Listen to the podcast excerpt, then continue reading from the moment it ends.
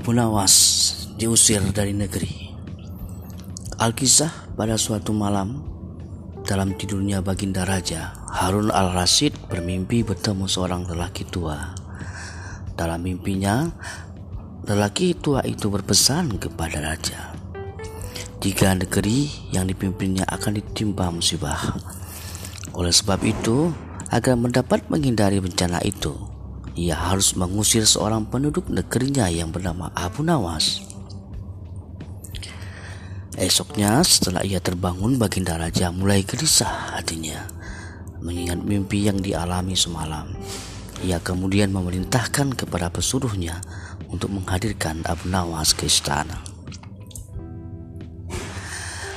Tatkala Abu Nawas berada di istana, Baginda kemudian berkata kepada Abu Nawas, Hei Abu Nawas, semalam aku bermimpi yang sangat aneh dan aku merasakan jika mimpi itu adalah suatu petanda buruk bagi negeriku. Dalam mimpiku aku bertemu seorang laki-laki tua yang memakai pakaian serba putih. Ia mengatakan kepadaku, jika negeri ini akan tertimpa bencana yang sangat besar. Agar itu tidak terjadi, ia berpesan agar aku mengusir seorang rakyatku dari negeri ini yang bernama Abu Nawas. Dan dia juga mengatakan jika Abu Nawas itu ingin kembali, maka hendaklah dia tidak berpijak di atas bumi dan mengendarai tunggangan apa pun.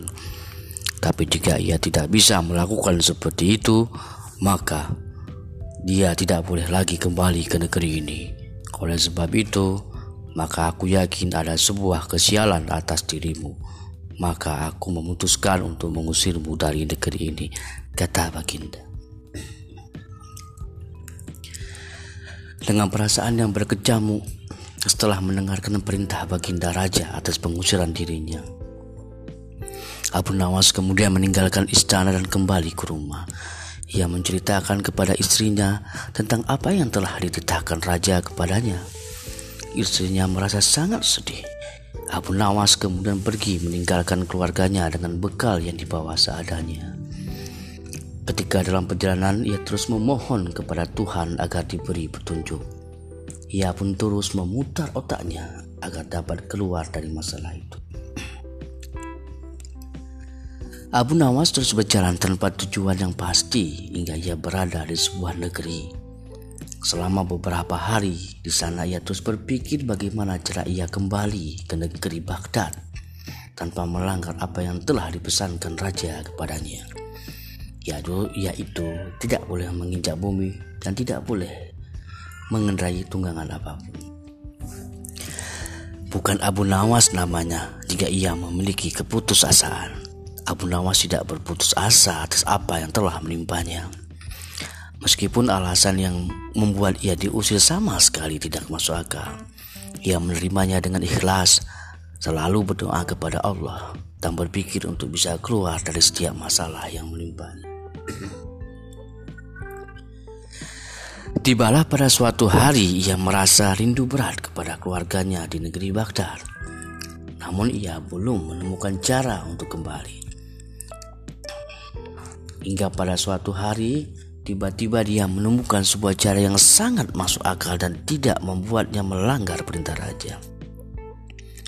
Setelah ia menemukan cara tersebut, Abu Nawas segera mempersiapkan segala sesuatu dan bersiap-siap untuk kembali ke kampung halamannya.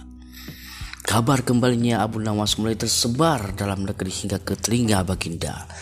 Rakyat menyambut gembira kepulangan Abu Nawas karena kecintaan akan dirinya. Baginda Raja juga ikut senang, tapi dalam suasana yang berbeda. Jika agak senang karena mereka menyukai Abu Nawas. Baginda Raja senang karena kali ini ia dapat leluasa memberi hukuman kepada Abu Nawas. Baginda berpikir pasti mustahil Abu Nawas dapat kembali tanpa berpijak pada bumi atau menunggangi sesuatu. Tibalah Abu Nawas di istana dan menghadap Baginda Raja. Kehadirannya di istana membuat Baginda Raja sangat kaget ketika melihat Abu Nawas bergelantungan mengikat dirinya di sebuah seekor keledai. Dan kemudian Abu Nawas berkata kepada Baginda Raja, Wahai Baginda Raja, Bukankah engkau telah mengusirku dari negeri ini dan melarangku dan melarangku kembali dengan berjalan memijak bumi dan tidak boleh menunggangi apa pun. Maka sebab itu aku telah kembali dengan tidak memijak pada bumi dan tidak pula menunggangi apa pun kecuali aku bergelantungan di bawah perut keledai. Melihat tingkah pola dan alasan yang diberikan Abu Nawas, Baginda Raja pun merasa masuk akal dan sangat memuaskan. Akhirnya Abu Nawas bisa kembali ke keluarganya dan terbebas dari hukuman Baginda Raja.